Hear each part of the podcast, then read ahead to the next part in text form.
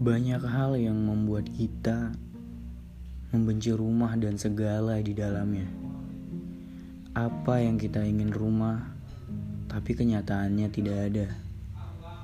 Dan kita mulai mencari kebahagiaan di luar dengan banyak menemui orang-orang baru yang seiring berjalannya waktu akan menjadi rumah kita.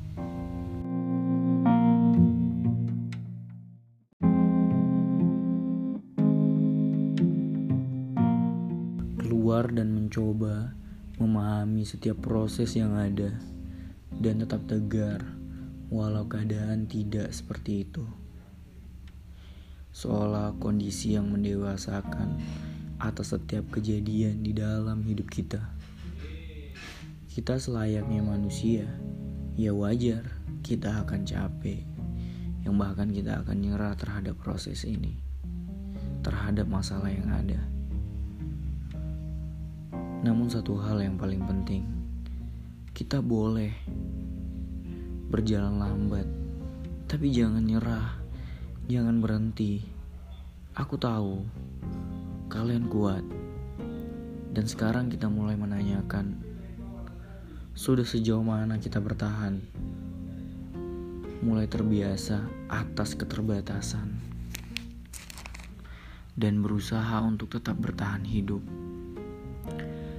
pernah mulai membandingkan kehidupan dengan kehidupan orang lain dan mulai menghilangkan hal-hal kecil atau lebih tepatnya tidak bersyukur atas apa yang dipunya sekarang. Mulai dari pertemanan, mulai dari orang-orang baik yang ada di sekitar kita. Yang seharusnya kita syukurin. Dan kita selalu berusaha untuk membuktikan pada orang-orang kalau kita bisa.